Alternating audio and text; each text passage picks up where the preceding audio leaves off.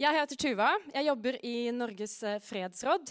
Og på vegne av Norges fredsråd og Nobels fredssenter så vil jeg gjerne ønske velkommen til debattkveld her i kveld. Dette arrangementet det er det første i en rekke av eh, seminarer nå framover mot valget, med fokus på unge stemmer i den sikkerhetspolitiske debatten. Og veldig ofte når sikkerhetspolitikk diskuteres, så er det jo sånn at panelene består utelukkende av middelaldrende menn. Men en rykende fersk undersøkelse gjennomført av Norstat på oppdrag fra Fredsrådet, den avslører at i aldersgruppen 18 til 29 så er det faktisk så mye som seks av ti som mener at norsk utenriks- og forsvarspolitikk og sikkerhetspolitikk er relevant og av interesse for dem. I eh, panelet her i kveld så er det riktignok et par eh, menn i sin beste alder også. Men gjennomsnittsalderen på scenen her ligger på 36 år. Og paneldebatten passerer også Bechtel-testen.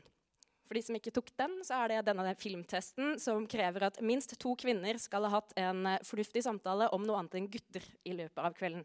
Og jeg tror nok dere kommer til å snakke om annet enn eh, gutter her.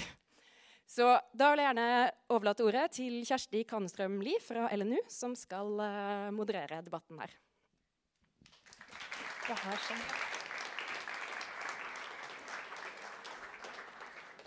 Jeg vil gjerne ha et bord.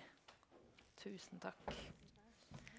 Takk for den introduksjonen. Og så takk til Dag Sørås også for et interessant skråblikk og på mange måter en god introduksjon til det vi skal diskutere videre, nemlig Norge i krig. Eh, og det er jo ikke akkurat den situasjonen det høres ut som vi har lyst til å være i. Man får dårlige assosiasjoner av å være i krig. Eh, men så er det jo kanskje sånn at nordmenn flest vi føler jo ikke den krigen på kroppen. Heldigvis. Og det er kanskje også litt av problemet. For da vi blir vi kanskje litt likegyldige til at Norge er i krig. Eh, de neste 40 minuttene skal vi gå litt eh, mer i dybden på Norge i krig. Hva som avgjør, og hvordan det avgjøres at Norge blir med i en krig. Og om vi, folket og politikerne våre har nok informasjon før vi velger å delta i en krig og sende enten soldater eller våpen til utlandet. Og til å diskutere dette så har vi med oss tre veldig gode panelister. Eh, dere kan få komme opp etter tur. Den første er Mina Adampour, eh, som er samfunnsdebattant og lege. Jeg velger her å kalle deg for fredsaktivist, Mina. Du har sagt at det er greit, og du er i hvert fall veldig stolt over at du starta den første elevdemonstrasjonen mot nettopp invasjonen i Irak. Eh, som Dag Sørås nevnte her i stad. Den andre er eh, Tormod Heier, som er oberstløytnant ved Forsvarets høgskole. Eh, og har også vært redaktør for en rekke bøker om norsk forsvars- og sikkerhetspolitikk. Og sist, men ikke minst, Bjørn Tore Godal, som har vært leder for Afghanistan-utvalget, som har evaluert Norges innsats i Afghanistan i perioden 2001 2014, og som kanskje også vil gjøre det lettere for Dag Sørås å diskutere kritisk om Norges bidrag i Afghanistan i offentligheten. Eh, for det har kommet fram en god del kritikk. Velkommen. Og så skal dere i publikum også få lov å være med som en del av denne debatten. Eh, vi har tenkt å være litt interaktive. Eh, så gjennom avstemminger eh, via mobiltelefonen deres så skal dere få lov å delta i denne, denne, debatten underveis. Jeg tror nå det står på disse skjermene at dere kan logge inn på Kahoot. Eh, for dere fra den eldre generasjonen så er det altså tilsvarende mentometerknapp. Eh, men Kahoot er det vi opererer med i 2017. Eh, så logg dere inn og vær klare, for plutselig dukker det opp et spørsmål. Og så skal vi åpne for noen spørsmål eh, mot slutten av debatten. Så hvis dere eh, brenner inne med noe, så husk godt på det, så tar vi det til slutt. Og etter denne paneldebatten så blir det ungdomspolitisk duell mellom Sosialistisk Ungdom og Fremskrittspartiets Ungdom om nettopp Norges rolle i internasjonale konflikter. Så Norge i krig. Vi begynner der. Eh, det er tittelen på dette arrangementet. Eh, Mina, jeg begynner med deg. Stemmer det? Er det riktig å si at Norge er i krig i dag? Norge deltar jo i krigshandlinger med eh, utdannet personell og har også vært deltakende i det siste av både Nato- og USA-ledede eh, angrepskriger og invasjoner. Så det blir litt rart å skulle si seg enig med at Norge enten ikke er en deltakende eh, i en krig, eller eh, kalles en fredsnasjon, hvor en asymmetrisk den krigføringen er. Dessuten så har man jo på en måte et, eh, veldig sterk, en veldig sterk allianse til uh, stater som ikke bare har eller besitter det hegemoniet, makthegemoniet militært og økonomisk og dels også kulturelt. Men eh, de, disse deltar også i by proxy krigføring. Og så kommer også våpeneksporten oppå dette her, som, hvor Norge er en bidragsyter. Så for meg så Eh, er det helt klart at uh, Norge er en uh, aktiv bidragsyter til uh, dagens krigshandlinger. Bare forklar by proxy. Nei, F.eks. så ser man at det føres nå en krig i Jemen. Og en av Norges som, som kommer frem i Godal-utvalgets rapport, er jo at Norges allianse til USA er jo veldig sånn, sentral utenrikspolitisk og vesentlig siden 1949. Eh, og hvem er det man ser eh, operere i Jemen? Jo, det er jo Saudi-Arabia. Og så ser man nøyere på hvem Saudi-Arabia eh, får eh, spesiell militær rådgivning fra, så er det USA. Og spørsmålet er jo hva, hvilke interesser tjener det USA å bidra med taktisk informasjon for at Saudi-Arabia skal bedrive krigføring i Jemen? Og så kommer jo de millionene av støtte i, krig, i både penger og uh, våpenmateriell til regionen, som er med på å ikke bare destabilisere den, men gjøre den svært så eksplosiv.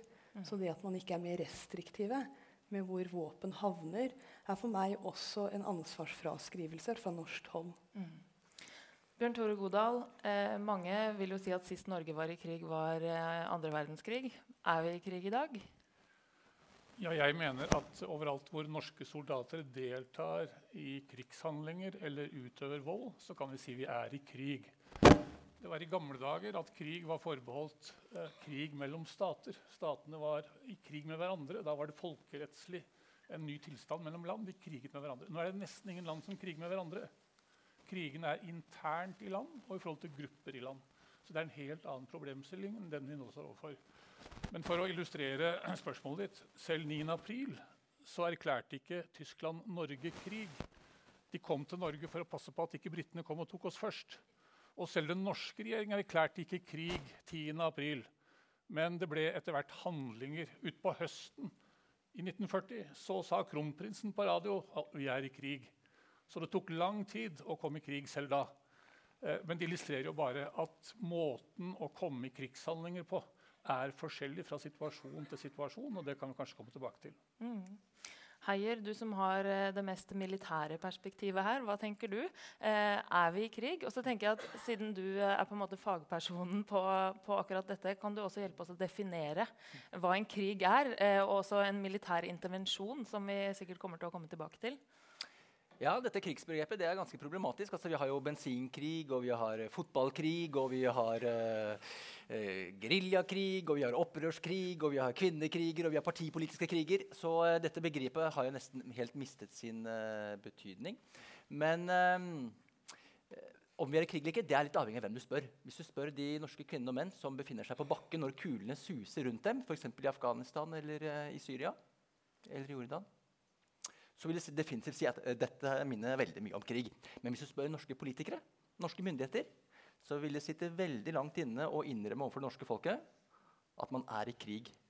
Og da tviholder det på det gamle, den gamle definisjonen av krig, som altså tradisjonelt sett har vært mellom to klart definerte stater. Men etter hvert som disse statene begynner etter hvert i, mellom, i Midtøsten og i Afrika å gå i oppløsning, og det kommer stadig sterkere ikke-statlige grupperinger som har stadig sterkere type våpen, så er også de, og sågar kriminelle karteller eh, som driver med narkotikabusiness, i stand til å drive en form for i fall, organisert vold. Det er, tenker jeg er i fall ganske god dekning dekkende eh, beskrivelse, selv om det også er vanskelig å skille denne form for organisert vold fra andre kriminelle virksomheter. Mm. Men Hvis vi da er enige om at Norge på en eller annen måte er i krig, hva er det egentlig vi gjør i disse krigene? Ja, Vi fremmer norske interesser. Og hva er de norske interessene? Det, eh, det, kommuniseres på veldig tvetydige måter. Man har en åpen strategi som man kommuniserer eh, norske interesser overfor den norske befolkning på.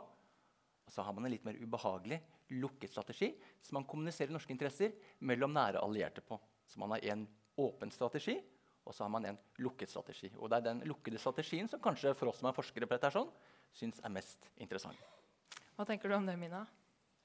Jeg, jeg, tenker at Det er det jeg har opplevd i den offentlige eh, debatten, eller kanskje mer den ikke-eksisterende debatten, eh, hvorvidt Norge er med i krig. Men jeg opplever jo samtidig at det som minoritet er eh, dels ganske sånn personlig opprivende og svært kritikkverdig å si at man eh, deltar i invasjonen av Afghanistan fordi én av tre mål er å bygge opp staten.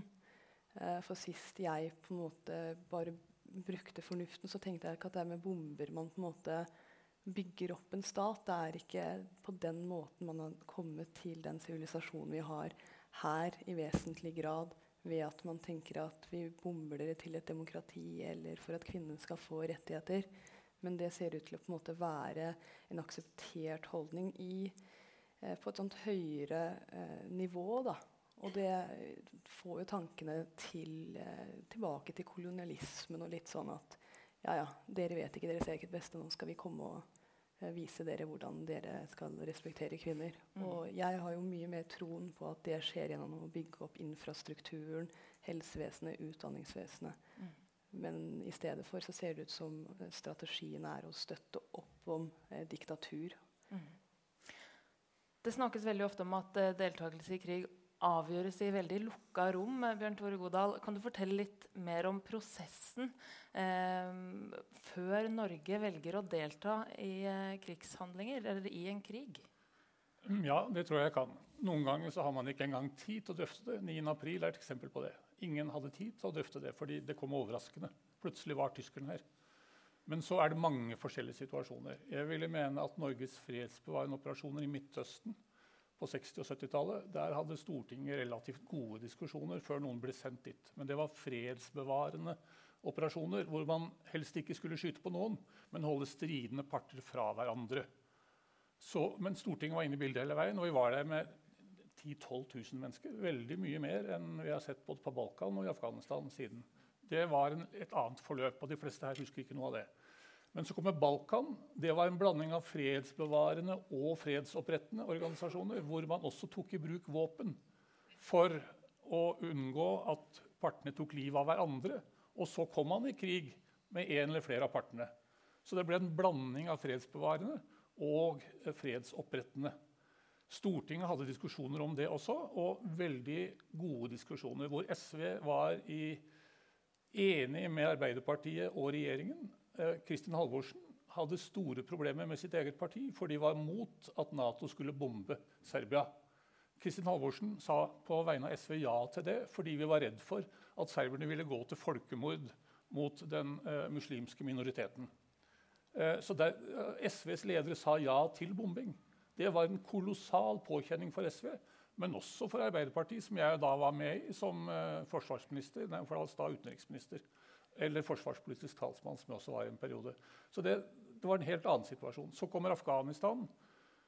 Jeg mener nok at Stortinget visste hva de gjorde da de sa ja til å gå inn den høsten. For da hadde Taliban og Al Qaida særlig bombet New York og Washington. Artikkel 5 i Nato ble utløst. Hva betyr det? Et angrep på USA er et angrep på Norge. Det er Nato. Hvis Norge blir angrepet, så er det et angrep på alle i Nato det utløser en kollektiv handling. Og Derfor sa Norge ja til å være med på et eller annet som kunne sørge for å ta terroristene som hadde angrepet i New York og Washington.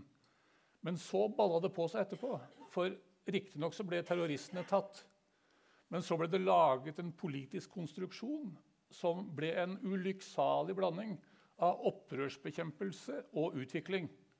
Og du greier ikke å bygge utviklingsprosjekter mens det er krigføring parallelt. Og det den rapporten som jeg har vært leder for, beskriver, er det ulykksalige i at vi forsøkte å bygge en stat i Afghanistan med en blanding av utviklingsprosjekter samtidig som det var borgerkrig i landet. Og de som var interessert i å bekjempe Taliban, og det er det mange som er i Afghanistan, Gamle banditter, de også. Minst større, like store banditter som Taliban. Bare de var mot Taliban, så var de akseptable i statsbyggingsprosjektet. Og dermed var det altså en innebygd uh, spedalskhet vil jeg si, i den konstruksjonen som gjorde at sånn sett så er statsbyggingsprosjektet så langt veldig uh, ja, Om ikke helt mislykket, så iallfall langt på vei mislykkes.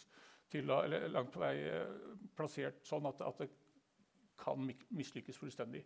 Jeg vil ikke si at det ikke er demokratiske politikere i ledelsen i Kabul, for det er noen. Men det er altfor mange banditter som støtter dem, og som er tas ta som bor. Og de tas som bor bare de er mot Taliban. Det er problemet. Nato er jo også et viktig stikkord som kom opp her nå. Heier, du kaller det et uløselig dilemma. Nettopp det at vi må hjelpe USA eller våre andre allierte i Nato for at de skal kunne hjelpe oss hvis vi trenger deres hjelp. Er det virkelig et uløselig dilemma? Ja, det der er et stort paradoks. Var det én ting som ble, kjent, ble, klart for norske myndigheter når tyskerne angrep 9.4.1940, så var det det at landet er altfor stort og befolkningen altfor få til å klare å beskytte seg alene i fremtiden. Så Dermed så søkte man om medlemskap i denne Nato-alliansen. og eh, Det gikk jo greit i de første 60 årene, noe vi fikk mer eller mindre gratis sikkerhetsgarantier fra USA. Men etter 9-11 og 90-tallet så ble det jo payback time, og vi måtte utenfor landet for å hjelpe amerikanerne der de trengte det mest. Og eh, da er det nok sånn at Hvis vi ser på Norge og Baltikum og de landene i Nato som ligger eh, nærme Russland, så vil at de landene er særdeles opptatt av å hjelpe amerikanerne i kriger der ute. Fordi alle disse landene føler den største potensielle utfordringen fra Russland og har et størst behov for så håndfaste og så troverdige amerikanske sikkerhetsgarantier som mulig, fordi man har ikke noen mulighet til å kunne forsvare seg selv. Så eh, Paradokset da mener jeg at jo, eh, jo større trusselen oppleves fra Russland, jo større øker avhengigheten til USA. Og dermed blir man mer og mer avhengig av å holde nære bånd til amerikanerne for å få de om bord hvis det skulle brenne på dass hjemme. Og da innebærer det en ganske aktiv deltakelse der hvor amerikanerne forventer det ute. Det er maktens logikk. Mm. Vi skal veldig snart uh, stemme på Kahoot, så bare vær klare på mobilene deres. Men uh, Mina, er det et godt nok argument? Må vi, må vi please Nato for å være trygge sjøl? Det som er spesielt akkurat i den situasjonen, er jo at Nato da beveger seg fra å si at det er statlige aktører. Altså, da, da den artikkel 5 blir utløst 12.9.2001 så går man jo fra å definere en ikke-statlig aktør eh, som et eh, væpnet angrep i tråd med Washington-traktaten. Og eh, det underfundige er at det var jo ikke afghanerne som sto bak eh, 9-11. Så man angriper da, altså man invaderer et land med bakkestyrker. Og det er jo flere land utover Nato-nasjonene som var med. Det var jo fra Asia, Stillehavsregionen til latinamerikanske land medlemmer. Og så deler man dette inn i grupperinger, og så beveger man seg ut i landet.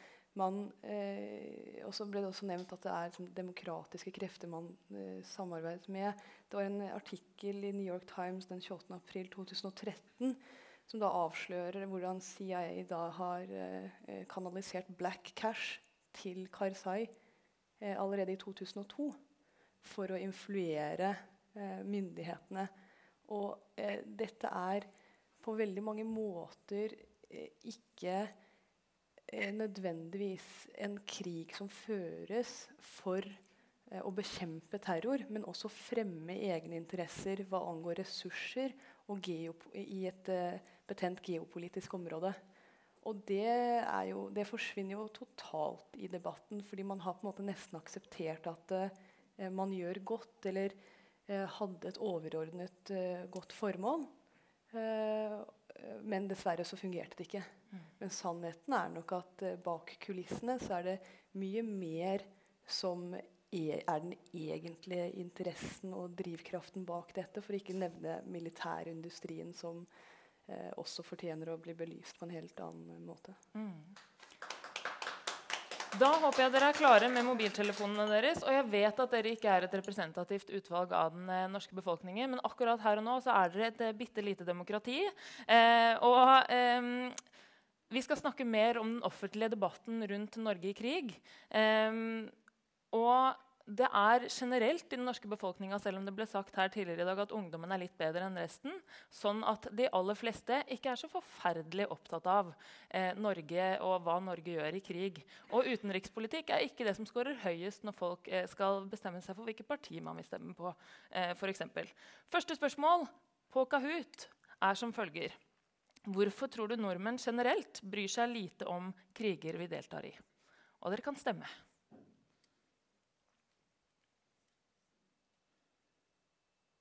Fordi det foregår så langt unna, og da trykker du på rød. Folk stoler på at staten gjør det som er rett. Gul. Vi får for lite informasjon om det. Blå. Og det stemmer ikke. Folk flest bryr seg. Så har dere ganske dårlig tid. Tida teller ned nå. 13 sekunder igjen.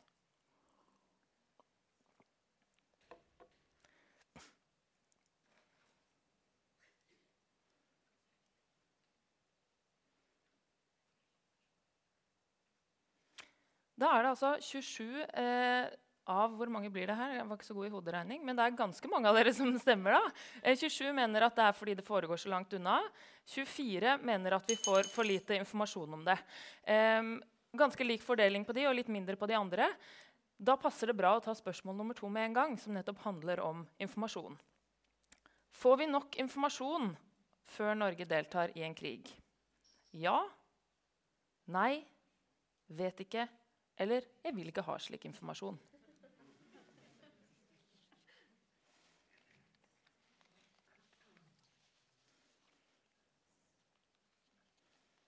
Og det stemmes.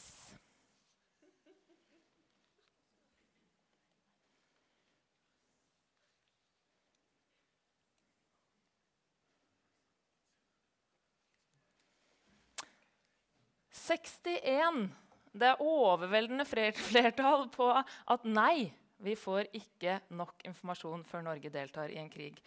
Godal, er du overraska over det? Nei, det er jeg ikke særlig uh, overrasket over. Nå tror jeg nok at vi som sitter her, alle sammen, er mer motivert enn de fleste. Så jeg er dessverre redd for at ikke dere er så representative. Jeg syns det er for lite engasjement omkring internasjonale spørsmål blant befolkningen, og ikke minst ungdommen. Jeg var på mitt første AUF-landsmøte i 1963. Jeg følte meg som en ensom svale fra Telemark som var opptatt av internasjonale spørsmål. Så kom jeg til landsmøtesalen i Samfunnshuset rett der borte. Og så sto det over hele scenen en svær plakat 'Verdens framtid vårt ansvar'. Og jeg ble altså så glad. Jeg skjønte jeg ikke var alene som skjønte at dette var viktig. Det var mange som mente det samme, men det var ikke så mange der jeg kom fra. Og det tror jeg er ganske typisk. Du, du skal ha en, eh, ja, en liten kultur i klassen eller der du bor av noen som begynner å snakke sammen, og så sprer det, sprer det seg. Og jeg mener Det må være oppgaven.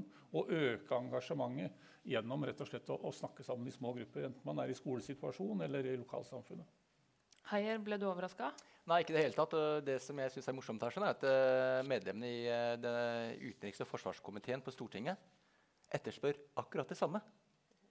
Hører du eh, lederen av utenriks- og forsvarskomiteen i dag, og hørte du lederen av utenrikskomiteen i 2013, som i dag er forsvarsminister, så etterlyste begge to mer informasjon fra regjering og Forsvarsdepartementet om hva som ligger til grunn for de norske engasjementene i utlandet. Eh, og det er en eh, trend hvor eh, dette med militær maktbruk, sikkerhetspolitikk, er for de spesielt interesserte. Og man ønsker ikke, tror jeg, i noe særlig grad å ha så mye debatt rundt det, fordi det kan skape usikkerhet og splid i et land som tradisjonelt har vært kjent for å ha veldig bred tverrpolitisk konsensus og føre de lange linjer, så er det viktig å liksom, uh, holde stø kurs og ikke sende uheldige signaler. Eh, men det er jo på mange måter en bjørnetjeneste, fordi uh, man klarer ikke da på skikkelig vis å forankre de beslutningene som gjelder altså statens mest kontroversielle og dramatiske virkemiddel. og som til syvende og sist... Altså, det er ingen andre politikkområder som skaper mer usikkerhet mm. enn militærmakten. Tormod har helt rett i det han sier, men det er galt hvis det er sånn, og at det er sånn. Afghanistan-utvalget som jeg led, var både i Washington og i London. Det var mye bredere debatt der om hva de hadde gjort ja, ja. i Afghanistan, enn i Stortinget og i Norge. Er det noe med selvbildet vårt? Jo, men jeg tror også vi, vi, vi overlater litt for mye til andre. Og vi er et litt for mye av et haleheng, også i de sammenhengene hvor vi bør diskutere. Og hvis Norge skal være en god Nato-alliert, så er jo idealet at vi skal mene noe i kraft av vår oss selv hele veien. Ikke fordi vi er med i noe som andre bestemmer i. Og det er jo helt riktig, for det, vi er i dag, selv om vi er fem millioner innbyggere, vi er ifølge Forsvarsdepartementet et mellomstort eh, militærmakt i Nato. Fem millioner mennesker er i dag veldig interessant samarbeidspartner for land med mellom 40 og 80 millioner innbyggere. Polen, Storbritannia, Tyskland Frankrike. Vil gjerne være sammen med lille Norge. Hvorfor det? Men uansett, med denne større innflytelsen, og det er bare Norge og Danmark i Europa som har best aksess, innflytelse i eh, Pentagon og State Department, med denne økende økte innflytelsen så følger det også mer ansvar. Og det ansvaret forankres mye bedre i folket hvis det åpnes opp for litt mer debatt enn det jeg synes det har vært de siste årene. Men det du snakker om her med konsensusbasert utenrikspolitikk, og at det er vårt selvbilde, på en måte, at vi tror vi er enige om alt, og det vi skal ha i en konsensusbasert utenrikspolitikk Mina, er ikke det bare da en myte, hvis det er sånn at egentlig alle holdes utenfor denne debatten? Det er ingen som får være med i den debatten. Det er ingen som egentlig vet hva som foregår. 61 av de i salen her mener at vi ikke har nok informasjon om hva som egentlig foregår. Det er jo det samme som kommer frem i Godal-utvalgets rapport. Altså, hva sto det? At um, nordmenn eh, er ikke så veldig interessert i utenriks- og sikkerhetspolitiske hensyn. Altså, med unntak av EU, da, da er man på en måte interessert. Men jeg lurer litt på hva som kommer av høna og egget. Det er litt av det samme som når man diskuterer med noen som jobber i avisen i dag. og så presiserer man at ja, dere har veldig mye kjendisnyheter, men kanskje har litt mer om sult og skjevfordeling. spørsmålstegn, så er det sånn, ja, Men det vil ikke folk lese. Og jeg tenker jo at eh, Hvordan kan du vite det? Fordi det mennesker blir eksponert for, må vel på en eller annen måte også være det man etter hvert begynner å være interessert i å lese om. Så man har på en måte en, altså det, det, kulturelle eh, aspektet i Norge som jeg har vært litt sånn interessert i, spesielt fra et minoritetsperspektiv, også minoritetskvinne.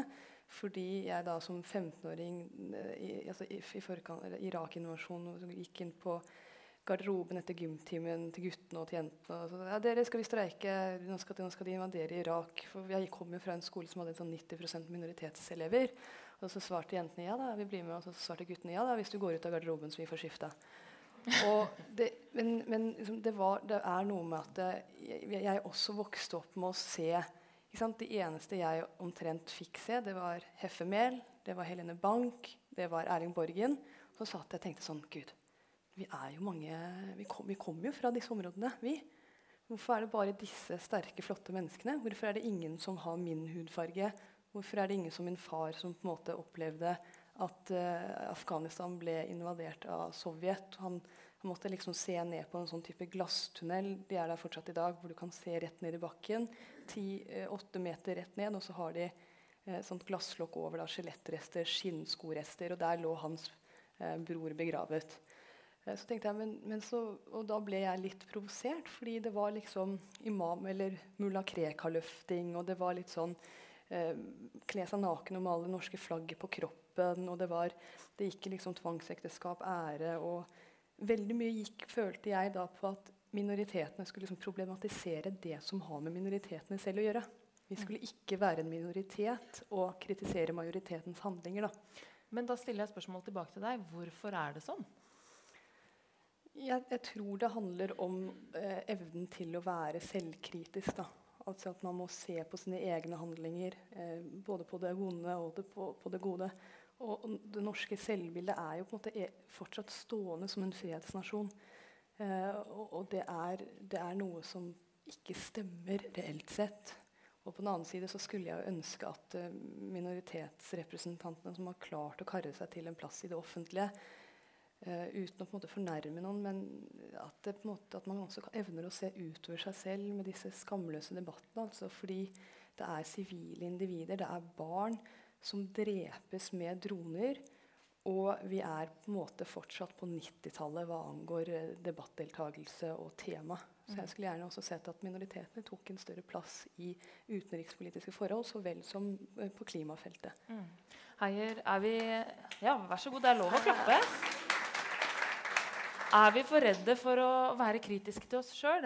Sånn kjenner du deg på en måte igjen i det Dag Sørås sier, at eh, det å fleipe med eller snakke om Norges innsats i Afghanistan, det er på en måte noe vi ikke snakker om. Det er bare, Vi skal snakke om det bra med det. Vi skal ikke snakke om det som er dårlig. Jeg synes ikke, jeg føler meg ikke rammet av det. Vi holdt på i to år vi var selvkritiske. Det utvalget mm. har lagt fram en rapport som alle sier er bra. Mm. fordi den er så selvkritisk. Så jeg tror det er veldig mange i Norge som er opptatt av det. Det er, og jeg tror det er en styrke for alle partier at de er aktive nå. Jeg er veldig spent på den innstillingen som kommer fra utenrikskomiteen til Stortinget rett etter påske, som skal drøfte hva vi foreslår og kommer fram til i Afghanistan-rapporten. Noe av det vi foreslår, er at regjeringen langt mer systematisk og planmessig må gå til Stortinget regelmessig og redegjøre for mål, øh, virkemidler, forventede resultater. Hva, si åpent i Stortinget hva er det vi vil med dette. Og så må de komme tilbake et halvt år etterpå og si hva vi har oppnådd. Og Det må være en rotasjon i det systemet. Det hjelper ikke bare Stortinget, men det hjelper også for den offentlige debatten. Mm. Og Mange andre land er bedre på det enn Norge har vært, og det tror jeg vi må, det må vi få til. Minoriteter, bare si kort om det helt enig i det som er sagt. Vi har jo et eksempel på en stolt historie der. Willy Brandt, som ble tysk statsminister, kom til Norge som politisk flyktning fra Tyskland. Fra Tyskland. Han flyktet fra nazistene og ble en stor mann i Europa etterpå. Det var mange i Norge som ikke likte at han var politisk aktiv i Norge. Fordi det ødela vårt forhold til Tyskland. Det er ikke lenger siden enn 70-80 år. Sånn var det. Så vi har noe å lære av vår egen forhistorie. Mm. Godal, bare for de som ikke vet alle detaljene i, i eh, Afghanistan-utvalgets rapport. Eh, altså det var jo en, en, veldig krass kritikk av Norges eh, innsats i Afghanistan. Eh, mange, noen har sagt i etterkant at det eneste man på en måte oppnådde, var å være en god alliert. Vil du si bare sånn litt veldig kort oppsummert hva den eh, rapporten ja, forteller? En god alliert. Altså vi, vi var gjennomsnittlig aktive i Nato-klassen. Ingen skulle si at vi var dårligere eller bedre på noen områder. Så vil jeg si at vi var faktisk bedre militært. Fortsatt er det 50 norske spesialsoldater som bekjemper terrorhandlinger i Kabul. Jeg syns det er en god ting. Men det er mye annet som har gått mye verre underveis. Og koblingen ute i regionene og distriktene av, av, kamp og utvikling har vært veldig vanskelig. Det er noen vellykkede norske bistandsprosjekter på tross av krigen, som vi har vært en del av, er en del av. Vi har eh, gjort en innsats både på utdanning og på helse, og delvis på kvinner, som er brukbar. Den er langsiktig, og den er brukbar fordi den går under radaren for krigshandlingene. Det er ikke en del av krigshandlingene, og da har man en større sjanse til å lykkes. Mm. Men Heier, du skal få svare på det. Er vi for redde for å kritisere oss selv?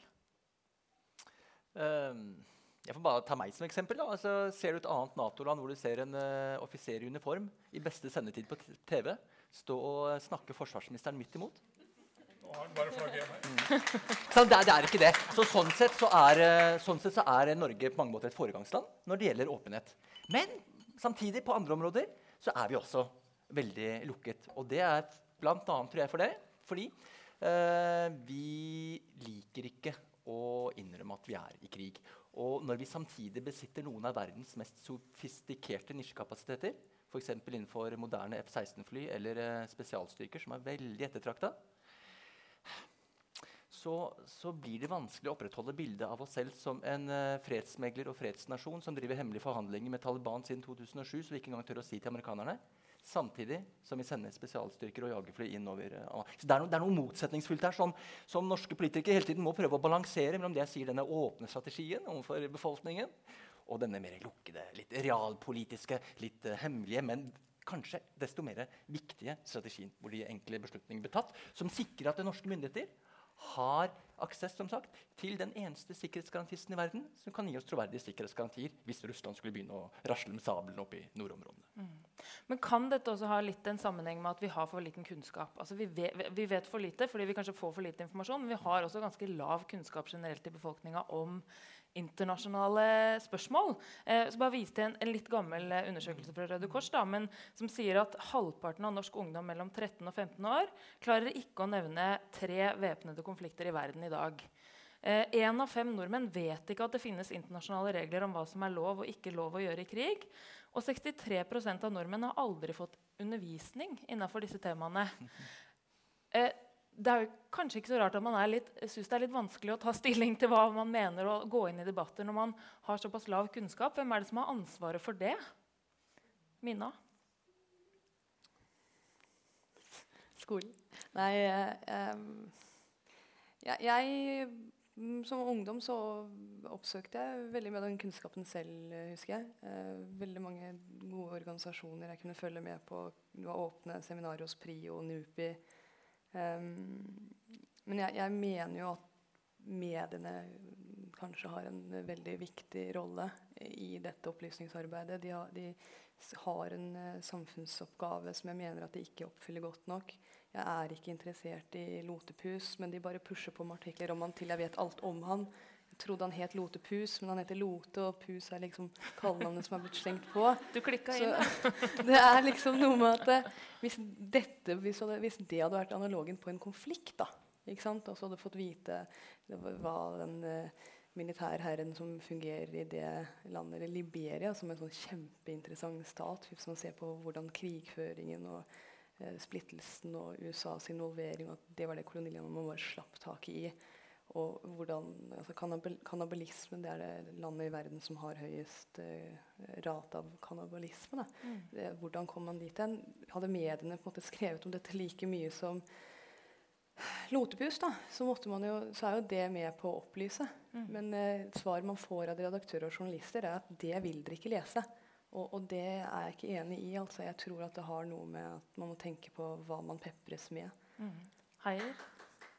Jeg uh, satte meg på flyet fra Washington hjem til Norge for et par år siden. Og fikk slengt uh, VG i fanget, hvor det sto 'Mann slo huet i dass, fikk synet tilbake'. Da skjønte jeg at nå er jeg på vei hjem til Norge. Det er ingenting annet som skjer. Så jeg, jeg føler også at liksom, mediene har en ganske stort uh, ansvar her sånn, for hva som opinionspåvirker. Mm. Men er det noen grunn til å tro at den kunnskapen er noe høyere blant eh, de som fatter beslutningene våre? Da tenker jeg jo ikke bare på de som sitter i den lukka eh, forsvarskomiteen, men også på Stortinget. De representerer jo, skal jo representere oss folket. Eh, kan, vi, kan, vi, ta for gitt at de vet hva vi begir oss ut på? Hvis du spør meg, så vil jeg si ja. De vet mer enn snittet. Altså, de, de sitter ikke på flyet fra Washington og leser de overskriftene. De leser mye annet også. Så jeg mener de, de, kan ganske mye. Men de er ikke alltid like flinke til å dele kunnskapen sin. Og de er ikke flinke nok til å få opp en demokratisk diskusjon hvor flere deltar. Det er uh, ofte problemet. Også, jeg mener jo, jeg, vi, vi, foreslår jo i vårt utvalg at vi skal gå oftere til plenum i Stortinget. Hva betyr det? Du skal gå inn i Stortinget og redegjøre i åpent storting, slik at mediene kan følge med oftere. Det skjer nå også, men det må skje oftere. Og så skal den utvidede utenriks- og forsvarskomité, som er et hemmelig organ, brukes mindre. Hvis ikke at de skal helt bort. For det kan jo tenkes situasjoner hvor det er lurt ikke å fortelle alle om hva du diskuterer og holder på med. Ikke opinionen i Norge, men de som er mot oss i en eller annen sammenheng. Derfor har vi den utvidede for hemmelige drøftinger mellom regjering og storting. Jeg vil ikke avlyse det. Ta EU-forhandlingene. Da vi forhandlet med EU om EØS-avtalen, så diskuterte vi da hva var norske forhandlingskrav, hva var best taktikk i forhold til fienden, som var EU, når vi skulle forhandle med dem uka etter. Det har du behov for å gjøre sammen, omtrent som du spiller kort. Du legger ikke kortene på bordet hvis du spiller kort sammen med en makker. Da spiller du med makkeren din og ikke med alle de andre som deltar i kortspillet. Så Derfor så har den utvidet en funksjon, men ikke i de store spørsmålene om krig og fred og langsiktige engasjementer. Der må vi få bredden i diskusjonen. Mm. Og så viser jo den nye undersøkelsen som det ble vist til her, at uh, ungdom er jo interessert. Vi må sørge for at ungdom også får den uh, informasjonen uh, de trenger for å gjøre begrunna valg.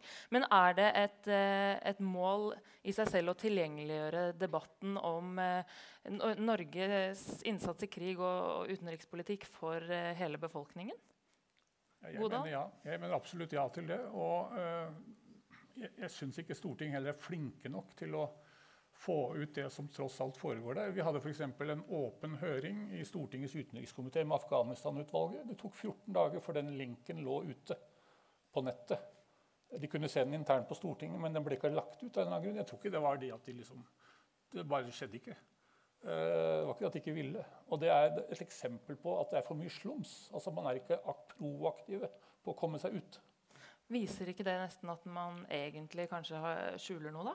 Nei, det, altså det er nok sikkert eh, blant politikere som andre noen som av og til har lyst til å skjule noe, men jeg kjenner ikke politikere som systematisk vil det. De kan være veldig opptatt av å vinne en sak, kanskje, og så glemmer de at andre skal trekkes med, eller andre skal være med i diskusjonen. Men jeg, jeg, har til gode å møte politikere som vil eh, mene at det er en fordel med så lite demokrati som mulig. Det har jeg tross alt ikke møtt. Mm. Heier, du ville svare på det samme? Eh, nei da, jeg er helt enig med Bjørn Tore. Adam Poor, er du også enig? Er det, er det, et mål i seg selv å tilgjengeliggjøre dette for alle? Alle disse debattene og diskusjonene om Norge i krig? Ja, det tror jeg, det, det tror jeg er veldig, veldig viktig. Jeg, eh, man ser jo også det når det gjelder eh, Norges deltakelse i atomvåpenforhandlinger, eller Norges ikke-deltakelse, hvor de velger å stå utenfor. Uh, og det er jo en svært så ademokratisk handling som politikerne gjør. fordi når man ser på hva befolkningen ønsker, så er jo det faktisk et atomvåpenforbud. Mm. Og man skulle jo tro at det var noe for, som mediene kunne skrive ti artikler på eh, på en og samme uke, som de gjør med Farmen og Lotepus. Mm. Men det er kanskje et notis en dag. Men at eh, Brende Norge henger på gangen med USA, og denne gangen så protesterer de.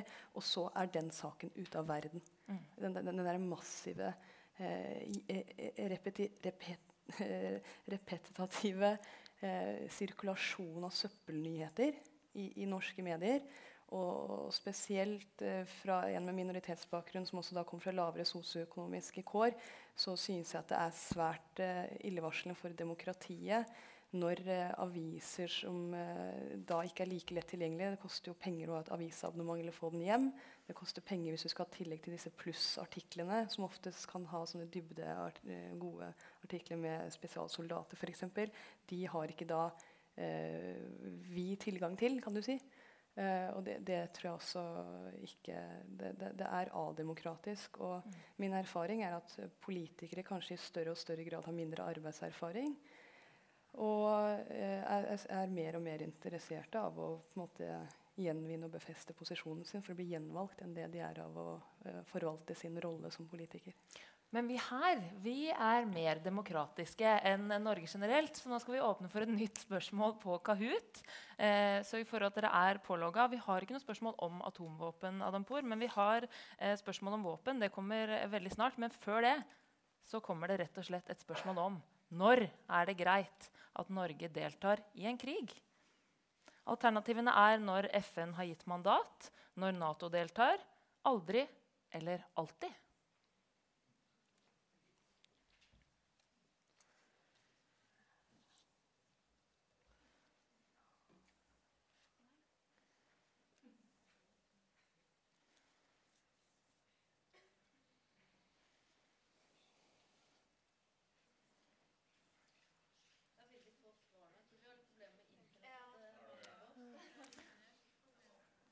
Ok, men vi har et flertall. Og det er når FN har gitt mandat. Sånn fungerer eh, demokratiet av og til. Eh, når Internett bryter sammen. Eh, men vi, eh, er det sånn at vi skal prøve det, det neste spørsmålet likevel? Vi gjør det. Vi prøver. Så får vi heller få et litt enda mindre demokrati. Neste spørsmål er i 2015 tjente Norge 2,4 milliarder på våpensalg. Hva syns du om det? Det er fint. Pengene kommer alle nordmenn til gode. Det er ok så lenge vi selger til demokratier. Jeg mener Norge tjener for mye på våpensalg, og den siste er Norge burde ikke selge våpen i det hele tatt.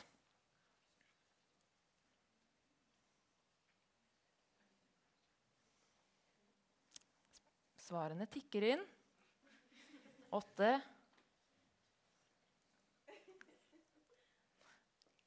Der, ja. Motsatt ende denne gangen.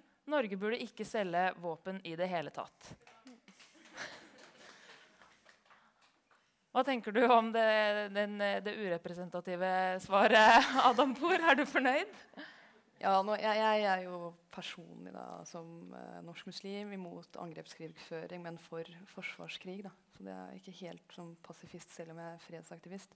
Men når det gjelder norsk våpeneksport, så vi, vi, selger jo våpen og krigsmateriell. Og det var jo de rød-grønne, jeg tilhører venstresiden selv, som oppgraderte da Qatar og de uh, arabiske forente, forente, arabiske emiratene som land man kunne selge våpen til. Emiratene har da dannet en hær eh, av leiesoldater fra Colombia, 800 i antall, som skal stå klare dersom det blir opprør i befolkningen. Eh, Norge selger våpen og krigsmateriell til 56 land, hvorav 11 er definerte diktatur. Eh, I 2011, før jul, så var det et angrep i Belgia. Hos den massemorderen så fant man jo et, en M72-rakett som var signert Nammo, men Nammo nektet å si hvem de i utgangspunktet hadde solgt den til. Vi har på en måte ikke en ansvarlig våpeneksport som eh, ansvarliggjør eh, Norge dersom våpenet havner hos en tredjepart. Det, det tillater vi, og det investeres våre skattepenger gjennom oljefondet i. Eh, så ja, kanskje skolene skulle ta over eh, rollen til mediene. Og så kan vi bare erklære at mediene har spilt fallitt sin samfunnsoppgave. Så får vi mer debatt omkring det her. Men dette er jo forhold som er ganske sjokkerende.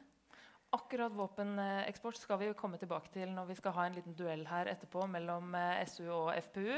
Bare sånn at Det var en liten teaser, en litt sånn cliffhanger til neste debatt. Eh, og så tenkte jeg bare ville avslutte og avrunde dette panelet med eh, egentlig spørsmålet om vi er er vi på vei mot mer åpenhet når det gjelder disse spørsmålene? Fordi eh, I fjor så ble jo da en evaluering av Norges innsats i Libya blokkert. Eh, og Det var kommet forslag om en evaluering av Norges krigsinnsats som en fast eh, praksis. Nå er plutselig alle for at vi skal evaluere Libya. Eh, er ikke det bra, da? Godal? jo, de sa de ville vente på Afghanistan-utredningen. Så det er vel et godt tegn. da, kanskje. Jeg, jeg, vet ikke helt hvordan det kommer til å gå. Jeg har ikke noe med det. Jeg kommer ikke til å redde den utredningen. Det er jeg helt sikker på. Det var arbeidsomt nok, det vi gjorde. Men jeg syns det er bra. Jeg tror det er altså denne, sånne ting i ettertid er med på å få fram ting og opp i diskusjonen. Det er sunt uansett hva man mener. Og jeg er ikke av de som mener at, at konsensuskravet nødvendigvis eh, er så ille hvis det ikke er påtvunget. Altså Det at mange partier er enige om noe, kan jo være en styrke noen ganger. Når du har med andre land å gjøre. Men hvis det er en påtvunget enighet, da er konsensuskravet en tvangstrøye. Det er jeg imot. Mm. Heier? Nei, jeg tror, avsluttende liten, uh, lite svar her nå. Jeg tror det er uh, bra at vi tar sånne drøftinger. fordi uh, da klarer vi kanskje å fikse på noe som er et veldig trist faktum som har skjedd de siste 15 årene. Og det er rett og slett at vi taper flere krigere enn vi vinner. Eh, og det er et gjentagende mønster som man går igjen om du ser på eh, den politiske uttellingen i eh, Afghanistan, i Irak, i Mali, i, i Syria. så er det gjennomgående at vi ikke har fått den politiske uttellingen vi ønsker. Så noe må vi ha gjort galt. Og da tenker jeg at sånne type utredninger vil bidra til å bidra med mer kunnskap og innsikt inn i stamme- og klanbaserte samfunn som vestlige militærstyrker stort sett ikke har så veldig god peiling på hva skjer. Mm. Adampour? Ok, men Da skal dere få en siste før vi åpner for spørsmål fra salen. så tenker jeg, Nå har dere snakka mye om at eh, det er veldig bra hvis vi åpner dette her, og, og, at flere får være med å påvirke, og at flere stemmer skal bli hørt. Og denne type ting. Og som tre kloke hoder her eh, til publikum, hva er eh, tipset hvis man rett og slett skal eh, prøve å påvirke? Hva, hva, kan man gjøre? Du får ordet først, Adampour. Jeg eh, tror man skal eh, delta på så mange arrangementer man bare klarer. Eh, og lese så mye man bare orker. Da, ja, ja, blant annet. Og Norges fredsråd, eh, hos NUPI, hos PRIO. Delta i Røde Kors-møter. Eh, prøve å lese seg opp. Det gjelder kanskje mest den yngre garde, da, fordi de eldre som er her, er selvsagt kanskje selv aktivister og selv ledere av ulike organisasjoner. Men da vil jeg bare si at da er det viktig at man gjør alle arrangementene tilgjengelige for flest mulig, da, også de som kanskje ikke nødvendigvis har så god råd. At de kan ikke ha sånne 100 kroners og 150 kroners uh, inngangspriser. Og selvsagt en fin fordeling i publikum av både kjønn og eh, landbakgrunn og ståsted. Mm. Helt kort, Heier, samme spørsmål. Ja, først og fremst delta på disse arrangementene for å få opp litt sånn basic kunnskap. Og så begynne å øve seg på å skrive små avisinnlegg og kronikker. Og jeg som snart nå har skrevet en sju-åtte bøker, det vanskeligste jeg gjør, det er å skrive kronikker. Mm. Det er definitivt vanskelig. Men da tvinger du deg til å få frem nøyaktig akkurat det punktet du mener, og kutte ut alt det andre. Så, men da, da, får du også da treffer du for mye større nedslagsfelt i befolkningen enn om du um, velger å holde det for deg sjøl. Godal? Jeg vil si delta i alle de organisasjonene som er representert her i dag, og mange andre. Ikke minst de politiske ungdomsorganisasjonene. Det er tross alt de som oftest gjør direkte inntrykk på eldre politikere i eget parti. Og det har de kjempegodt av. Mm. Jeg følte at Det var på en måte en slags invitasjon til at jeg også kan drive litt eh, reklame. For jeg kommer jo da fra Landsrådet for Norges barne- og ungdomsorganisasjoner. Og vi er veldig opptatt av at ungdom skal delta mer i eh, sikkerhets- og utenrikspolitikk. Eh, kanskje noen av dere vet at det er vedtatt en resolusjon i FN som heter 2250 Ungdom, fred og sikkerhet. Det er det i hvert fall. Den ble vedtatt i 2015. Ingen vet at den er vedtatt, men den er superviktig. Vi lanserer rapport på tirsdag morgen klokka åtte på Frivillighetshuset i Kolstadgata på Tøyen. Alle er hjertelig velkommen. Søk opp arrangementet på Facebook i frontlinja Ungdom, fred og sikkerhet. Håper mange av dere har lyst til å komme. Dette er veldig viktig og et bra begynnelse for å begynne å engasjere seg. Med det så sier vi takk til panelistene i runde én. Og så skal vi ha et lite sceneskifte før runde nummer to. Nei, nå glemte jeg, unnskyld, nå glemte jeg at vi kanskje skulle ha noen spørsmål fra salen. Og jeg så én hånd. Du vet hva, vi gjør det først. Jeg så én hånd her først. Vær så god. Og så er det fint om dere sier hvem dere er, og hvem spørsmålet går til. Og så er det fint at det er et spørsmål og ikke en kommentar eller et eh, langt innlegg. Vær så god.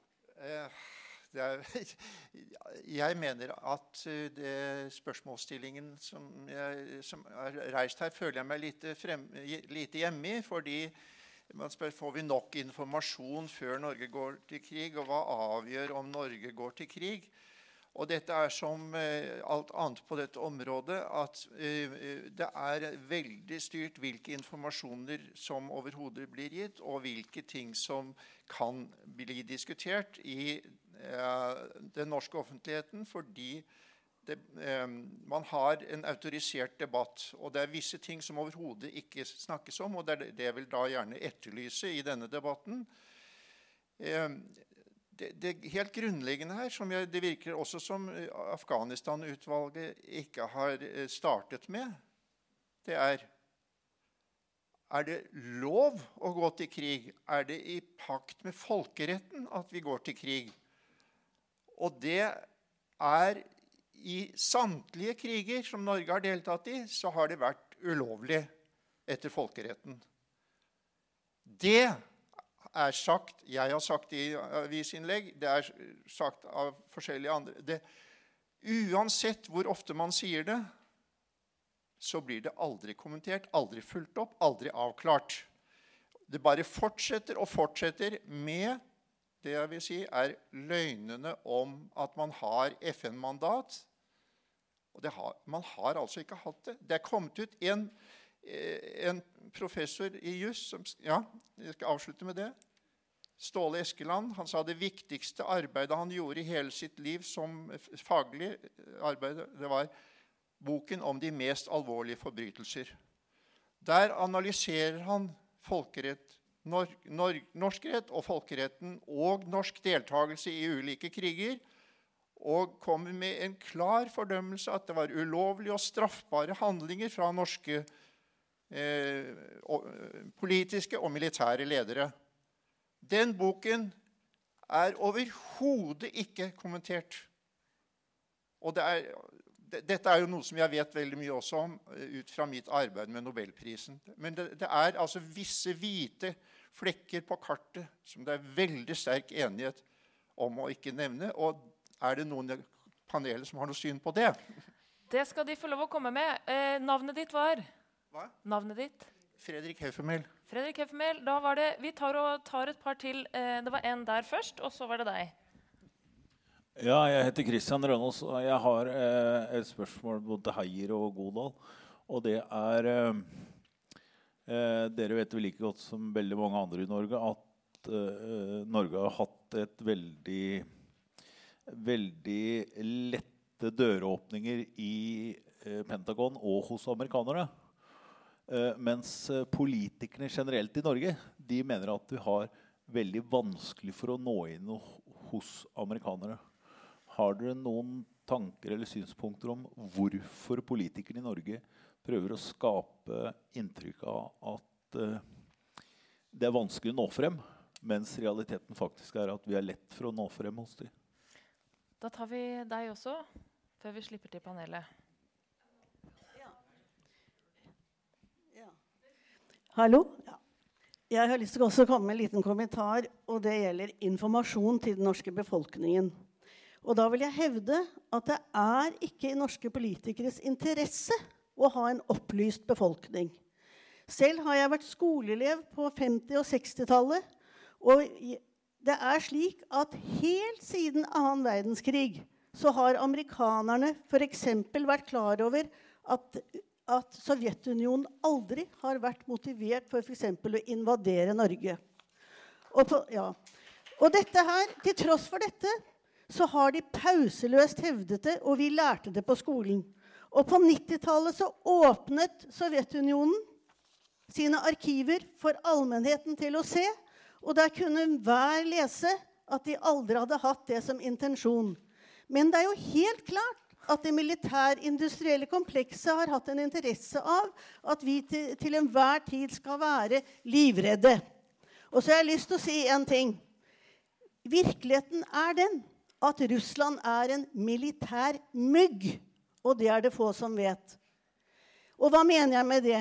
Jo, 40% av alle militære utgifter i verden er rene amerikanske utgifter. Og slår vi det sammen med andre Nato-land, så ligger det på nesten 70% Og i den statistikken Og tro meg, slå det opp på Internett, for SIPRIS gir ut disse tallene, utgjør Russland 3,8 3,8 Nå må du runde av. Nei, men nå skal jeg bare si en ting. At USA Det er veldig viktig, for dette bildet har jo ikke folk i hodet. De tror de er kjempesvære og digre og truende. Men saken er at USA er ca. 9 millioner kvadratkilometer og litt til. Mens Russland er 17 millioner kvadratkilometer og litt til, og er ikke omringet av snille Canada og South Pacific og Atlanteren, men av en rekke problematiske nasjoner langs sydlige grenser. Og det jeg vil anklage politikere i Norge for, det er at de aldri toucher innpå de lange linjene i USAs erobringspolitikk and empire building. Og senest i forrige uke så ble det satt i stand en ny color revolution nemlig i Hviterussland, for det er det neste landet som skal gå før man skal ta rotta på Russland. Nå, eh, takk skal du ha. Da var det Vi går litt eh, over den tida vi har satt for å begynne den debatten, men det var så mange stemmer her. Og det er fint at eh, ungdommen også engasjerer seg i en eh, debatt som er eh, retta mot ungdom, uten å mene å fornærme noen. Eh, men vær så god. Bare lyst til å si jeg heter Mai Bente Bonnevie, er fredsaktivist og kunstner. Eh, jeg spurte eh, en utenriksminister for et par år siden hva er grunnen til at dere aldri diskuterer selve nedrustningen, setter fokus, viser oss militærspiralen, viser oss fakta om alt det som liksom skjer bak. Opptrer som en blindsone hele tiden. Vet dere hva han svarte? Jeg tror ikke vi vet hvordan vi skal gjøre det. Og så var det en som hadde Dere får de to hvis dere har konkrete spørsmål til panelet. Og så runder vi av med det. Eh, og så skal panelet få lov å svare på det. Eh, du kommer etter hun som står bak der. Amina Ibrahim. Eh, jeg har en konkret spørsmål og lurer på vi, eh, på en måte, Kan vi bruke andre måter å løse eh, krig og for å ikke ta, delta i krig fysisk? det syns jeg at mange av dere her var veldig opptatt siden vi fikk den siste spørsmålet at Norge skal ikke selge våpen. Eh, så ja, det var det jeg lurte på. Takk. Og så siste spørsmål her. Hei, jeg heter Ida. Var, ok, greit. Du var så godt i gang, så da tar vi deg. Og så det var det siste. Vær så god. Hei, eh, Mitt spørsmål går til deg, Bjørn Tore Goda. Eh, jeg lurer litt på om dere så på konkrete regler man kan endre eh, for å inkludere Stortinget mer i spørsmålet om Norges deltakelse i krig eller militære operasjoner. Som f.eks. bør det gå klarere frem av Grunnloven at Stortinget må samtykke. For, eksempel. For nå, slik jeg har forstått det, så er liksom jussen litt uklar der.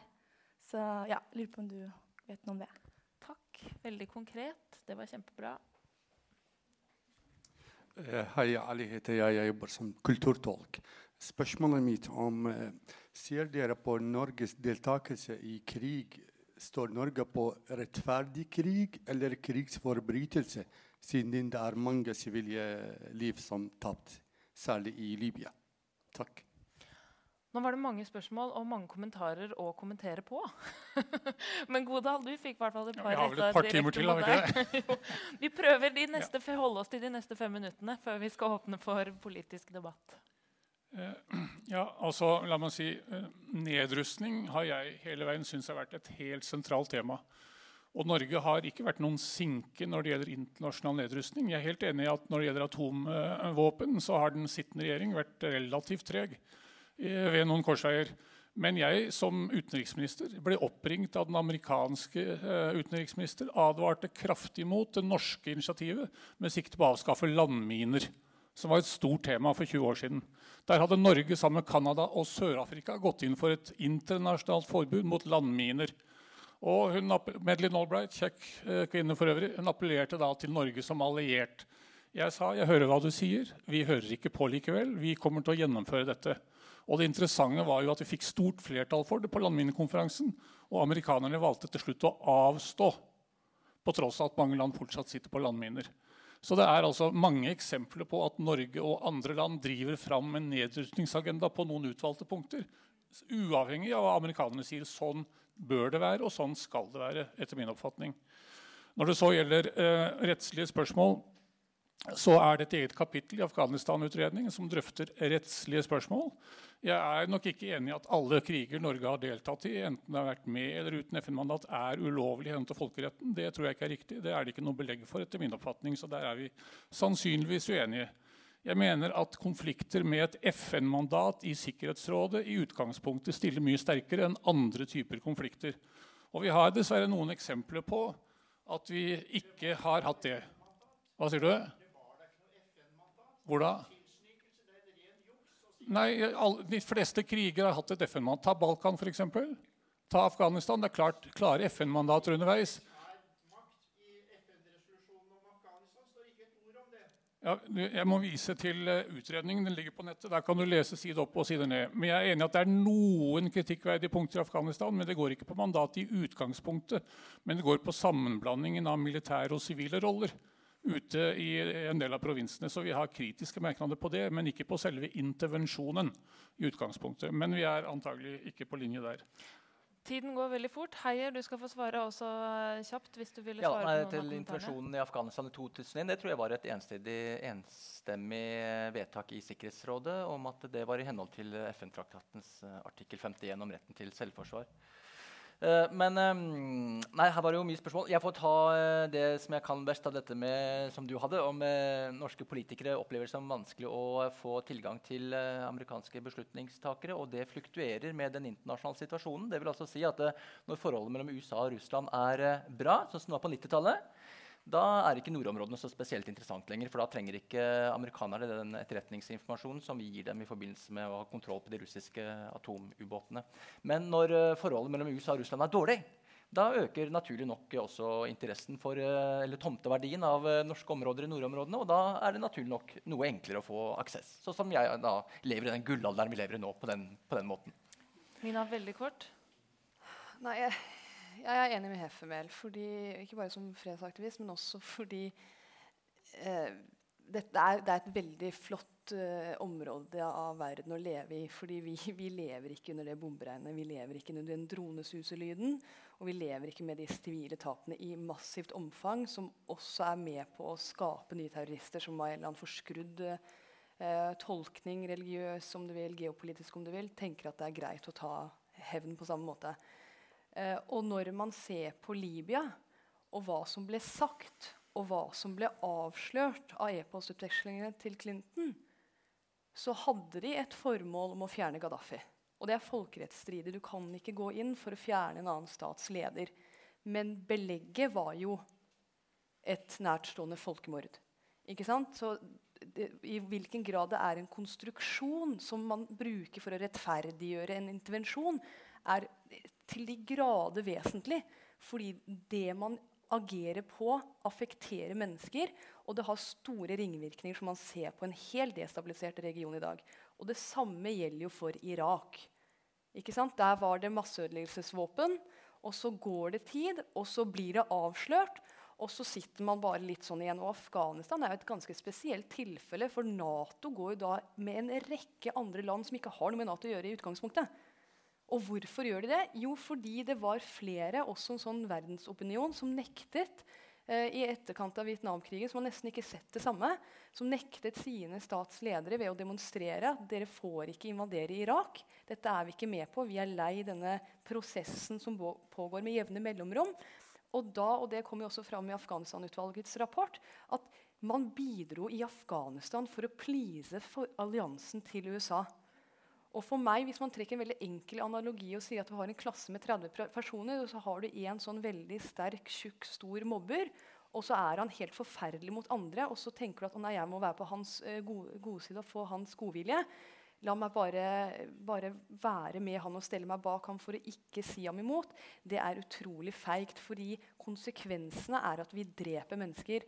Og helt greit for meg hvis man ville ha det eksotiske sånn minoritetskvinnestemmen med sånn Nei, tvangsekteskap, nei, ære, sosial kontroll, hjelp oss. liksom, Når det egentlig bare er skjerp deg, gå til politiet og anmeld det her hvis faren din vil tvangsgifte deg med en annen. Men hvis vi skal snakke om krigføring og at våre sivile blir drept, da bare hysjes man ned. Og det er min erfaring de siste 15 årene i norsk offentlighet. Da, det blir siste ord. Eh, og vi, vi, er fem minutter på overtid, men det er jo helt tydelig at det er eh, interesse for å diskutere det her. Det tar jeg som et godt tegn. Med det så takker vi av panelet. Bjørn Tore Godal, Tormod Heier og Mina Adampour. Og så skal vi ha et lite sceneskifte, for da skal vi ønske politikerne opp.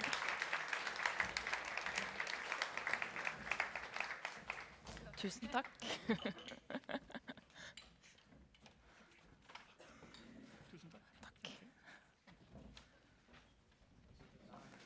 Og da skal jeg stå som en slags mekler i midten.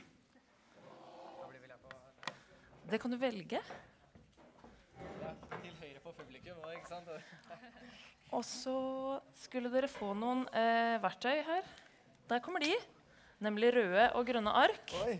Perfekt. Um, og eh, da ønsker vi velkommen altså, ungdomspolitikerne våre her i kveld. Vi gir dem en applaus. Um, og dere representerer jo verken opposisjonen eller regjeringa. Men, eh, men, dere har jo en god del makt allerede som ungdomspartier. Eh, dere kan påvirke moderpartiene deres, og dere kan ikke minst få eh, befolkningen engasjert i disse, disse, temaene vi diskuterer her i dag. Og det er nesten noen slags ytterpunkter her. Eh, Sosialistisk Ungdom. Yes. Andrea Sjøvold, som er leder for Sosialistisk Ungdom. Og Andreas Brennstrøm, politisk nestformann i FPU. Velkommen til debatt. Eh, da fungerer det altså sånn at Dere skal få eh, noen spørsmål helt innledningsvis. De skal besvares enten ja eller nei. Jeg vet det er vanskelig, men velg det arket som eh, ligger nærmest det dere egentlig mener. Eh, og Vi har jo vært innom en rekke ulike spørsmål her allerede. Vi skal komme litt tilbake til noen av dem. Eh, og For å få litt sånn oversikt over frontene så kjører vi da ja og nei i starten. Eh, dere skal få anledning til å nyansere etter hvert. Vi begynner med er det greit at Norge deltar i militære operasjoner dersom det finnes et FN-mandat? Ok. Er det greit at Norge deltar i kriger som Nato-alliert? Bør Norge ut av Nato?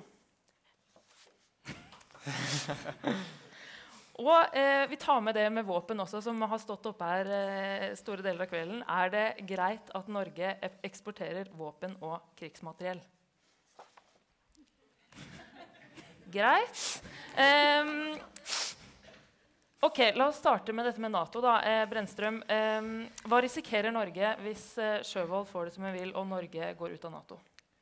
Altså jeg mener at Man setter veldig mye på spill, og at man faktisk gambler med norske menneskeliv. Eh, for man ser i dag at man står overfor mange trusler, både interne og eksterne. Og Norge er et lite land på fem millioner, og vi grenser til no verdens aller største land. Vi er helt avhengig av å kunne forsvare oss selv. Derfor mener jeg er, eh, at Norge er helt avhengig av å ha et godt internasjonalt eh, samarbeid, hvor vi går sammen med andre land som deler våre verdier og slik at vi faktisk er i stand til å forsvare oss selv.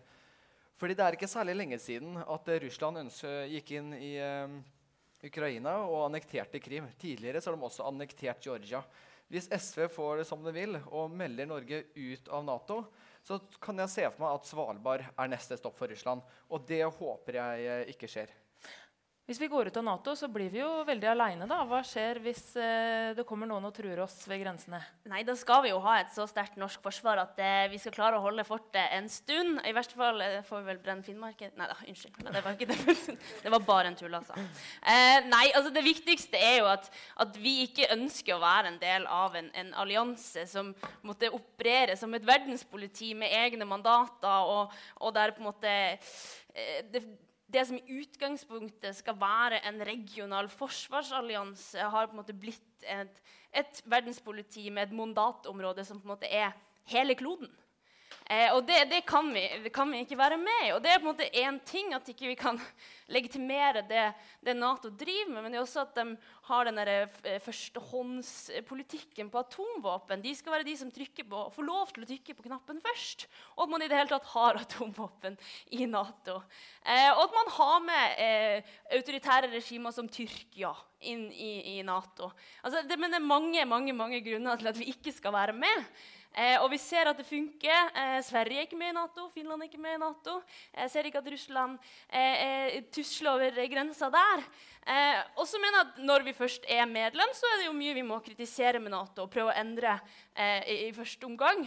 og så må vi på en måte melde oss ut selvfølgelig, og se på om det finnes andre forsvarsallianser vi kan være med i. Og da er det de nordiske du vil ha et samarbeid med? Det hadde vært ålreit, det. Hva tenker du om et nordisk forsvarssamarbeid?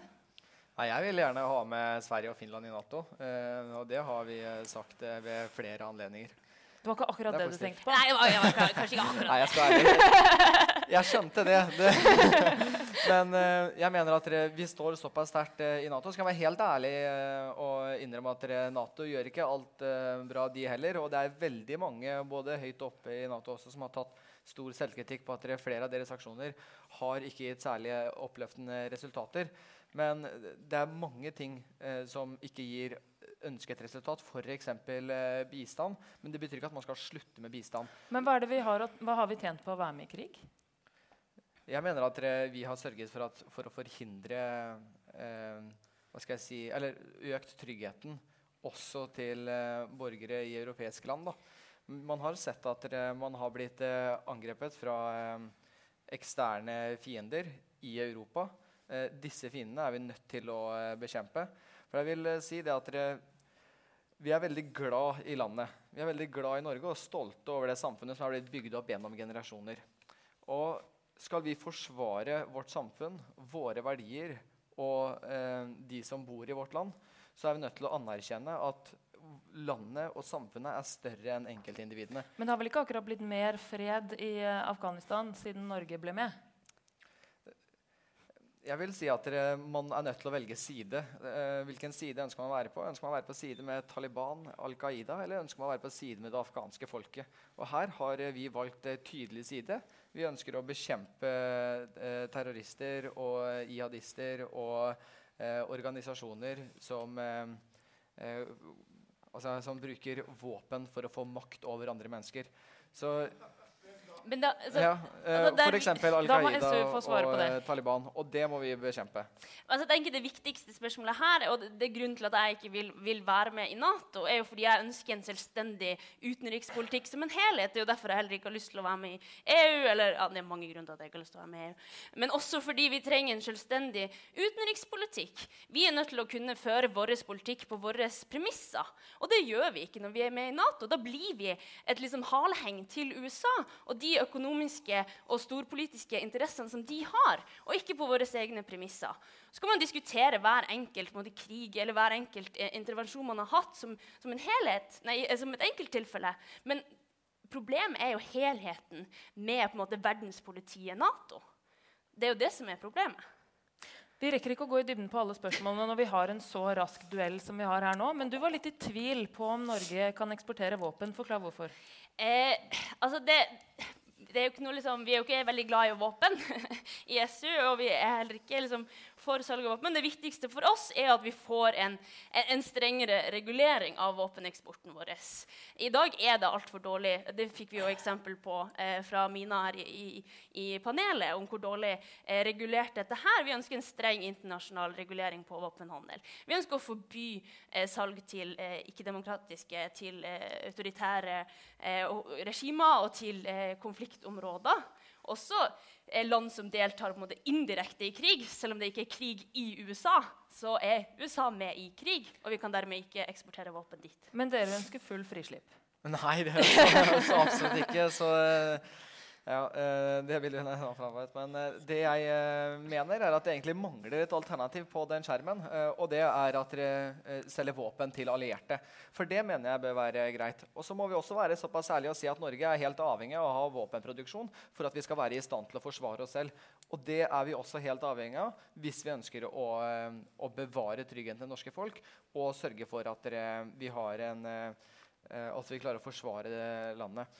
Og så vil jeg også si at dere, våpenproduksjon, at vi har et godt utstyrt eh, forsvar og en uh, godt utstyrt eh, beredskap i Norge, er vi helt avhengig av.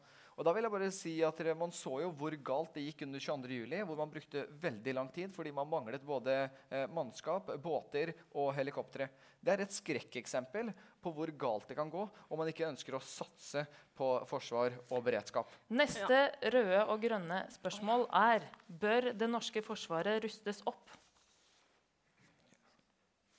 Begge er enige. Eh, da starter vi med SU. Hvorfor det? Jeg mener jo at eh, Forsvaret skal forsvare, ikke angripe. Det er, måte, det er derfor vi har et forsvar.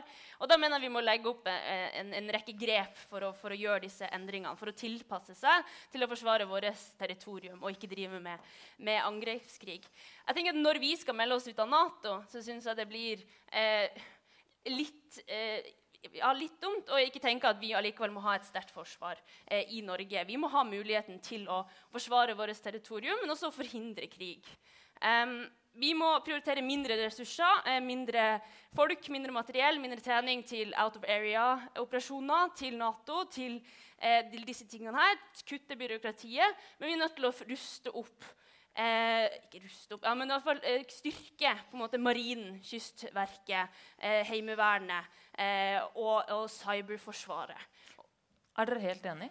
Ja, Vi mener absolutt at man er nødt til å styrke det norske forsvaret. Men så synes jeg det er litt naivt å tro at Norge med fem millioner mennesker og den hva skal jeg si, spede økonomien og det langstrakte landet som vi har, er i eh, stand til å forsvare oss mot stormakter eh, med atomvåpen.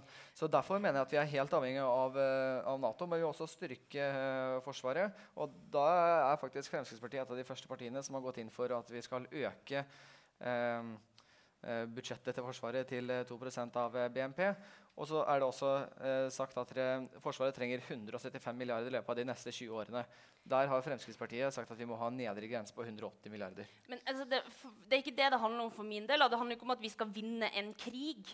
Eh, det handler jo om at eh, vi er nødt til å ha et nært og, og forsvarlig og godt forankra folkeforsvar som folk har en, en, tilhørighet til, som kan drive med samfunnsberedskap, som kan eh, ha tilstedeværelse i hele landet. og som ved en full invasjon. Altså, da skal jo ikke dette forsvaret liksom, eh, vinne krigen på kort sikt, men ansvaret for å organisere motstanden, ansvaret for å innhente hjelp fra eventuelt andre land hvis vi blir invadert. Det er jo ikke liksom, tanken at vi skal, med våre, uansett om alle fem millionene er med i dette folkeforsvaret, skal liksom, vinne krigen. Jeg vet at vi tikker mot vår tilmålte tid, men vi skal holde på fem minutter til. Jeg har fått lov. Eh, nytt grønt og rødt spørsmål. Eh, vi må også snakke litt om den offentlige debatten. Har vi nok offentlig debatt om eh, norsk krigsdeltakelse? Bør all militær deltakelse behandles i Stortinget? Det er nytt for meg at SU og FPU er enige om alt. Er dere overraska? ja. Jeg trodde det bare var navnene som var ganske like. Eh, du kan få begynne først. Eh, hva er det som mangler? Hva slags informasjon er det vi, eh, vi mangler? Nei, først så vil Jeg bare si at jeg tror dette er et veldig betent tema som folk er litt redde for å snakke om. Jeg tror ikke det er tabu, men jeg tror at man kan snakke og diskutere om det. Men jeg tror folk er litt redde for å tråkke i salaten. Um, og så kan jo mange mene at jeg har flytta inn i salaten. Men, Tror du gjør lurt i det? Det er smart. Ja, det er bra. Men uh, jeg mener at vi mangler et uh, større åpne debatten, flere innlegg. Og så tror jeg at man blir fort uh, upopulær som politiker og samfunnsdebattant om man tar opp temaet. man bør på en måte la det, la det ligge på en, på en måte. Så det, det, jeg egentlig føler at man mangler, det er oppmerksomhet rundt saken. Og at folk faktisk får en eierskap til om Norge bør være i krig eller ikke. For det føler mm. altfor mange er vet ikke. Er det sånn at uh, ungdomspartiene er mer enige enn moderpartiene sine? Eh, det tror jeg eh, generelt. Og så tror jeg også vi på noen punkter er mer uenige enn moderpartiene våre. Eh, så jeg tror vi kan enes om, om ting eh, som ikke de kan enes om. Og, og det, akkurat dette punktet er jo en del av det. Altså, jeg tenker Avgjørelsen om å delta i en krig det er en for viktig avgjørelse til eh, at det kan skje bak lukka dører med, etter en liksom, forespørsel fra, fra en alliansepartner. Um, og det, det, krever en solid demokratisk forankring om vi skal ta den avgjørelsen. Og Det er jo derfor vi også ønsker å flytte det inn i Stortinget. Vi vil grunnlovfeste at alle avgjørelser om deltakelse i krig skal tas opp i Stortinget, sånn at man får den brede debatten, sånn at man får full demokratisk forankring eh, og får mer eh, grundig debatt rundt akkurat det. Da. Hva er det som skiller ungdomsperspektivet på dette fra de voksnes perspektiv? Jeg vil eh, si at jeg tror ungdom ikke har opplevd like mye som de voksne. Eh, for eksempel, Faren min har fortalt mange ganger at eh, når han vokste opp, vokste opp så var han livredd for Russland. Da pågikk den kalde krigen, og det var et utrolig eh, anspent forhold som var veldig tydelig også i mediebildet og i samfunnet for øvrig. Det har ikke vi fått oppleve. Så jeg føler at krig ikke har vært like aktuelt for oss ungdom. Vi bryr oss mindre. Vi har mindre eierskap til hva vi eh, mener, og hvilket standpunkt vi har. Og det syns jeg er dramatisk. Og det er tre grunner til det. For det første så ser man at det er ofte ungdom som drar i krig. Derfor mener jeg at det er veldig relevant for ø, hva ungdom mener i denne saken. For det andre så mener jeg at jeg er helt enig i det Andreas sier her, at det må være bred konsensus for hva, ungdom, eh, nei, nei, for hva vi mener eh, i samfunnet, om vi skal sende soldater for å risikere livet sitt for vårt samfunn eller ikke. Og det tredje er at vi er nødt til å definere hvilke verdier er det vi ønsker å forsvare. Derfor er det også viktig at dere, ungdom er eh, inkludert i, eh, i, det offentlige ordskiftet. Fordi på mange måter så er det eh, ungdom som definerer fremtidens samfunn. på en måte. Og jeg, jeg, tror at samfunnet forandrer seg kontinuerlig. Og jeg tror ofte at man ser at ungdom er fremtidens trender eller fremtidens samfunn. Da må de være aktive i den debatten for å fortelle hva ønsker vi å forsvare og ikke. Og det er jo ungdom som skal leve i den framtida som vi Absolutt. lager nå. Og nå har jeg vokst opp i Nord-Norge, så jeg er litt mer aktivt forhold til Russland. Men, eh, og, og, der har vi på en måte eh, vokst opp med, med fly, eh, fly, som eh, flyr ganske lavt. Eh, på vår flyplass, i hvert fall. Eh, og det som er viktig, at det er ungdom som er engasjert i det her. og jeg tror også ungdom er mer interessert i å debattere det, interessert i å være åpen for ulike løsninger på det. Nye løsninger eh, på tidligere konflikter. Eh, og som dere sa tidligere, Ungdom er interessert i å, å debattere der, interessert i utenrikspolitiske spørsmål. Og det er vi som skal eh, potensielt leve i den verden eh, etter man har, har, vært i en krig. Det er vi som må rydde opp etter, eh, etter dere gamle har, har, gjort dårlige avgjørelser. Da. Eh, sånn derfor er vi nødt til å få lov til å være med i de avgjørelsene i større grad. Eh, så absolutt, eh, det mener jeg om absolutt alt. da, At ungdom skal inkluderes i alt, fordi alle spørsmål er ungdomsspørsmål. Eh, men i hvert fall dette, som, som kommer til å påvirke vår nutid, men også vår fremtid i så stor grad, burde vi få kunne være en del av. Siste spørsmål i kveld. Hvordan skal man få til det? da, At ungdom får eiendomsrett til disse spørsmålene, og ikke minst innflytelse når det gjelder disse spørsmålene? FPU først. Ja, Det er jo tusenkronersspørsmålet. da. Eh, men eh, jeg tror man er nødt til å synliggjøre hva krig faktisk er. Eh, og synliggjøre at man faktisk sender sine medborgere ut i krig for å forsvare samfunnet, sine verdier, sammen med sine allierte. Og man går faktisk og altså, ofrer livet sitt. altså Man setter sitt eget liv på spill. Så det er, veldig, det er en veldig stor og dramatisk handling. da. Uh, og det er litt det jeg uh, tenker ofte er at det, det er et betent, te betent, tema fordi det handler om mennesker, det handler om uh, skjebner og verdier. Og der er det ofte litt enten-eller. Man ser at I enkelte miljøer i Norge i dag så er det veldig bredt og sterkt engasjement for denne saken. Mens eh, andre saker så er det nesten ikke noe engasjement i det hele tatt. Og skal man sammenligne det på prognoser, f.eks. hvilke saker blir de mest populære frem til valget, så topper jo skole, arbeid, helse og miljø. Um, og Forsvaret er langt langt nede. Så jeg tror man er nødt til å synliggjøre konsekvensene av krig. Uh, fremme behovet av å, um, å være, ha et sterkt forsvar og bidra Eller eh, å um, få ungdom med, da, på en måte. Er dere helt enige her òg, eller? Eh, ja, litt både òg. Men jeg, jeg, jeg, tror det viktigste for å få ungdom med, er å, å, at ungdom tar den plassen. Men viktigst av alt er at voksne gir den plassen. Eh, hvis ungdom skal kunne påvirke, hvis ungdom skal kunne delta i den offentlige debatten, så trenger vi eh, eh, mindre eh, voksne menn i den debatten, og mer unge kvinner og menn. og også være åpen for å si, nye, nye, hva sier Høyre? nye løsninger og bedre Nei, jeg vet ikke. Åpen for, for, nye løsninger som ungdom kan komme med. Ikke være sånn ja, Vi har drevet med krig i all evighet. Vi, vi har opplevd krigen. Vi har vært redd for Russland for alltid. Vi vet hvordan dette fungerer. Eh, men det handler om hvordan, hvordan fremtid vi ser for oss, eh, og være åpen for de løsningene. Slipp til ungdommen. Det var på en måte siste oppfordring her oppe fra oss. Eh, takk til SU og FPU, som var overraskende enig. Ja, enig. Ja. så hvis det var et slags utgangspunkt for valgkampen, så kan dere ta stilling til det. Tusen takk.